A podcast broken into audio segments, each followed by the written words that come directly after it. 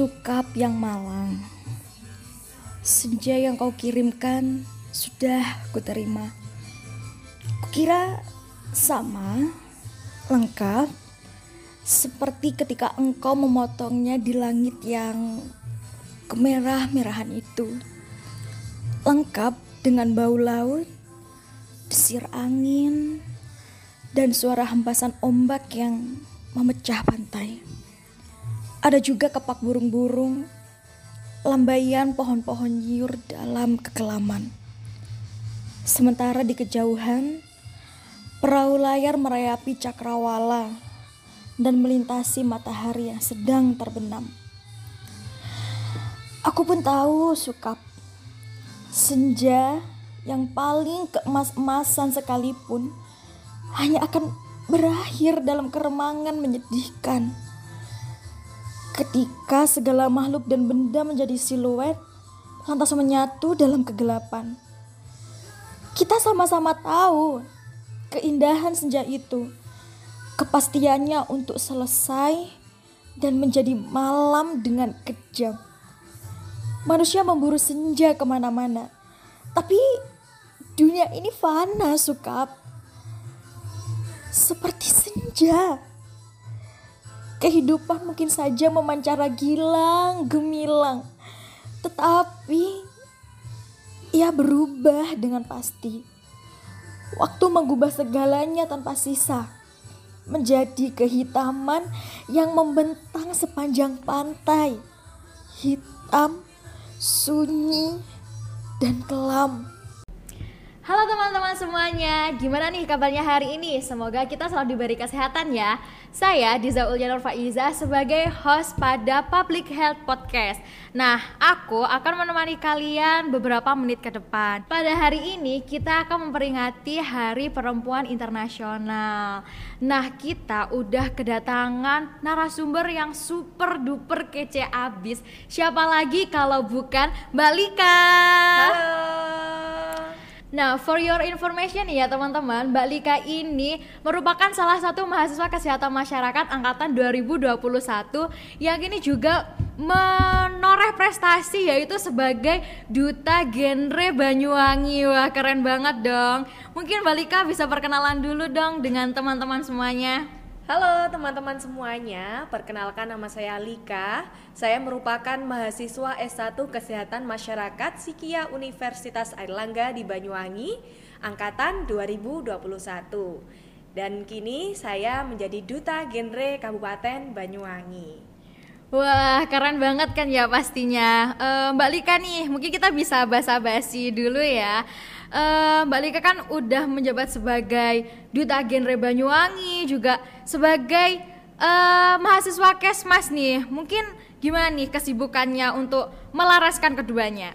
Oke, sejauh ini kegiatan saya ya kuliah, kemudian organisasi, kemudian uh, ikut acara-acara sosialisasi dan mengisi beberapa kegiatan uh, di sekolah-sekolah seperti itu.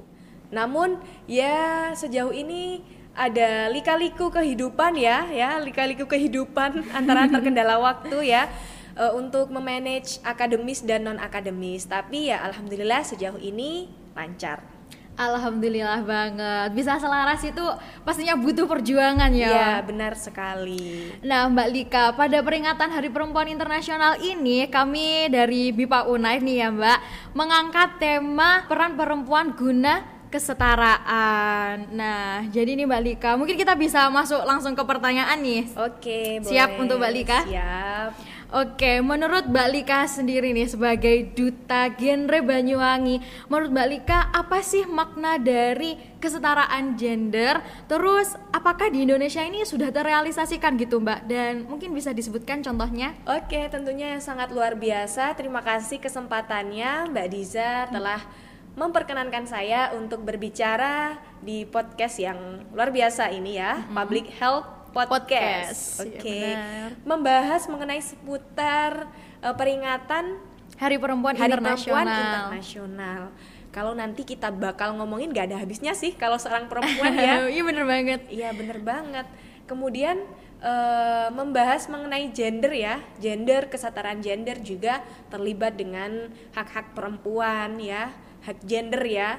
Tentunya dari definisinya ya pengertian gender itu eh, eh, banyak ya masyarakat beranggapan bahwasanya sama dengan jenis kelamin. Seperti itu enggak sih? Iya kayaknya ya mbak, banyak banget yang berspekulasi seperti itu. Iya, banyak yang berspekulasi seperti itu. Ada yang menganggap bahwasannya jenis kelamin itu adalah gender. Gender itu juga je- jenis kelamin, tapi sebenarnya itu berbeda. Gender dan jenis kelamin. Kalau gender itu adalah eh, semacam karakteristik sosial ya, karakteristik sosial laki-laki dan perempuan yang mana itu sudah eh, itu bisa diciptakan bisa dici- diciptakan dari lingkungan sekitar dari agama politik sosial dan budaya. Seperti itu ya karakteristik ya kalau gender ya. Karakteristik kemudian kalau jenis kelamin ya jenis kelamin itu ya sangat mudah sekali ya karena jenis kelamin itu pembeda antara laki-laki dan perempuan dari segi biologisnya dari fungsi reproduksinya seperti itu Oke. Nah, kemudian kita kan sudah tahu ya gender itu apa.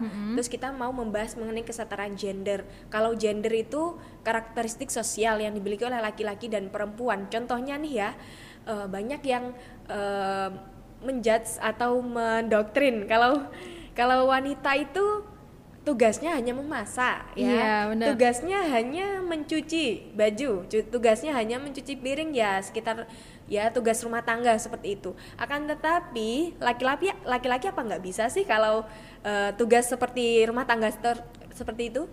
Bisa banget dong pastinya. Bisa banget ya pastinya ya. Nah, tugasnya wanita itu bisa dilakukan oleh seorang laki-laki maupun keduanya.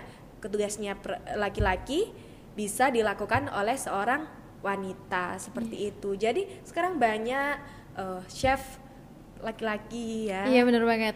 banyak eh, kemudian profesi laki-laki yang diminati oleh perempuan seperti TNI, pilot kan juga bisa Iya, masuk kan bisa. perempuan. Nah, itu menandakan bahwasanya sekarang sudah adanya kesetaraan gender yang mana seorang perempuan itu bebas untuk bercita-cita dan bermimpi seperti laki-laki ya, seperti apa yang diinginkan laki-laki. Keduanya pun seperti itu. Oke. Nah, ini jawaban yang sangat luar biasa banget. Jadi ingat buat teman-teman semuanya kalau gender dan jenis kelamin itu berbeda.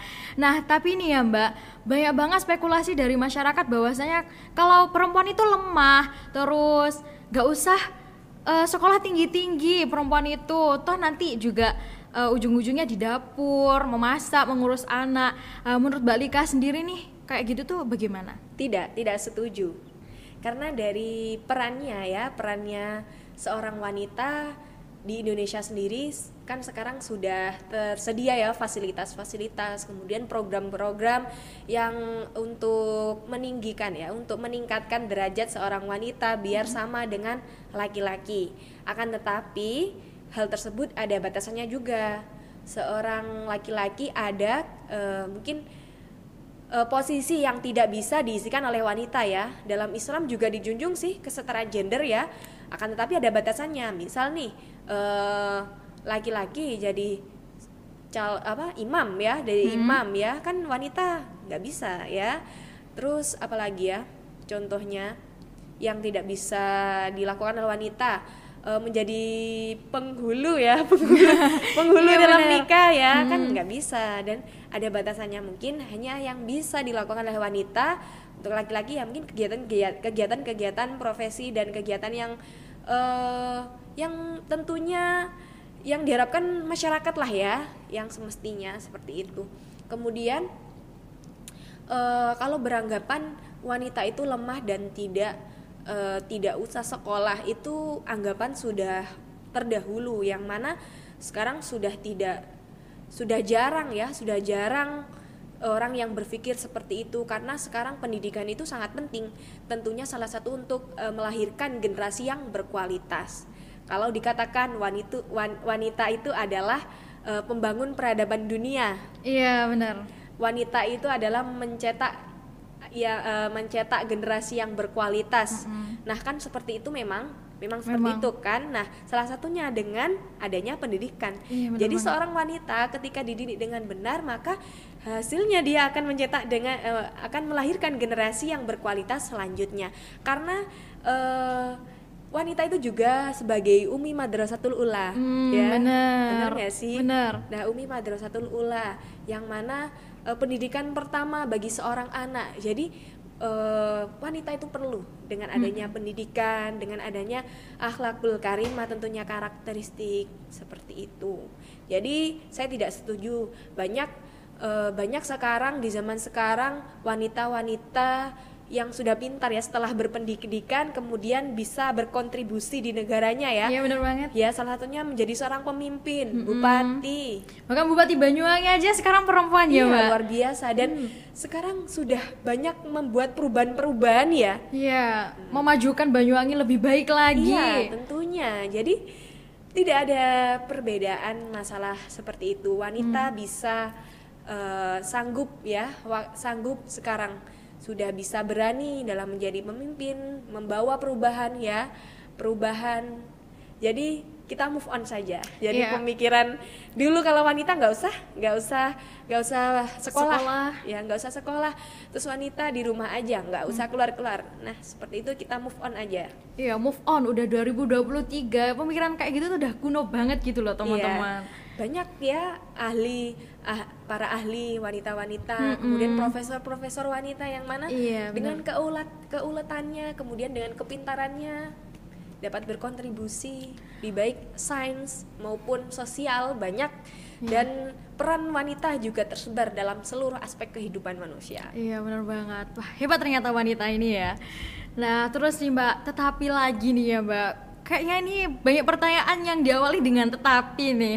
Ya, kita hapus saja tetapi. Tetapi nih ya Mbak, saking dikira lemahnya perempuan, eh, banyak kasus pelecehan seksual yang kini tuh sedang marak gitu di Indonesia. Nah menurut Mbak Lika, gimana sih caranya kita itu menghindari dari hal-hal pelecehan seksual? Terus Naudzubillah nih ya teman-teman semuanya dan yang lainnya seumpama nih eh, kita Naudzubillah itu tuh mengalami pelecehan seksual. Nah tindakan yang tepat itu bagaimana?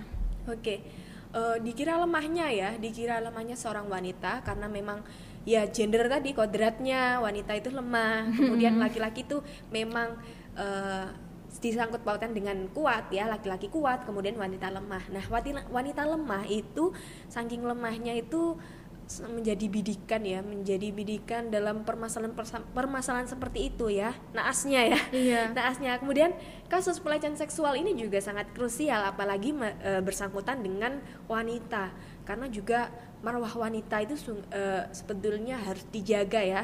Marwah seorang wanita harus dijaga. Kemudian derajatnya wanita sebagai wanita juga tinggi harus dijaga jangan sampai ada tindakan-tindakan yang tidak diinginkan seperti itu dan masalah pelecehan seksual ini eh, sayangnya ya mirisnya sudah tersebar di media sosial, di beranda-beranda berita itu menjadi permasalahan yang sangat menjamur, betul nggak Hmm, sih? Betul banget. Ya.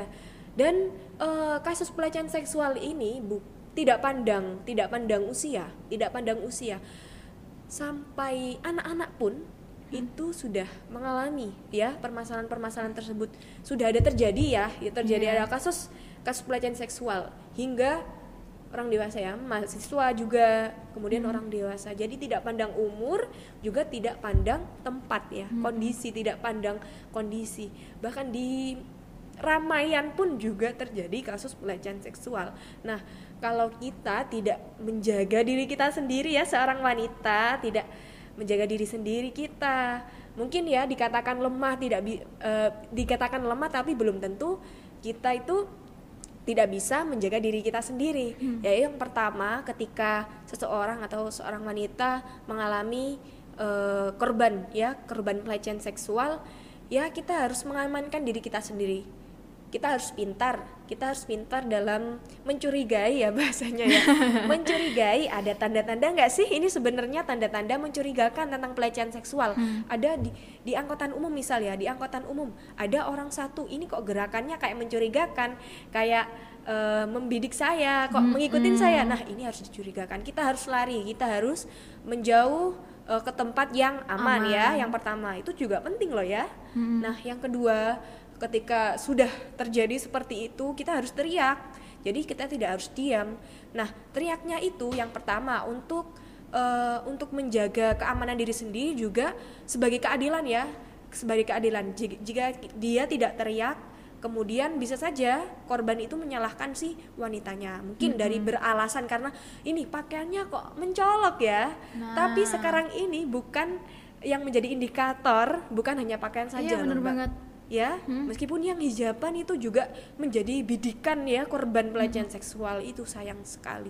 Miris banget sih. ya Mbak. miris banget. Maka dari itu menjaga iman kemudian menjaga keamanan diri sendiri itu juga diperlu- diperlukan. Kemudian eh, salah satunya dalam penjaga eh, keamanan diri sendiri itu kan ada ya korban korban wanita korban wanita pelecehan seksual itu merasa tidak bisa berkata-kata atau diam ya silent ya. Silent padahal dia bisa teriak akan tetapi dalam kondisi tersebut dia itu tidak bisa teriak. Entah itu memang terjadi hal demikian seperti itu memang benar.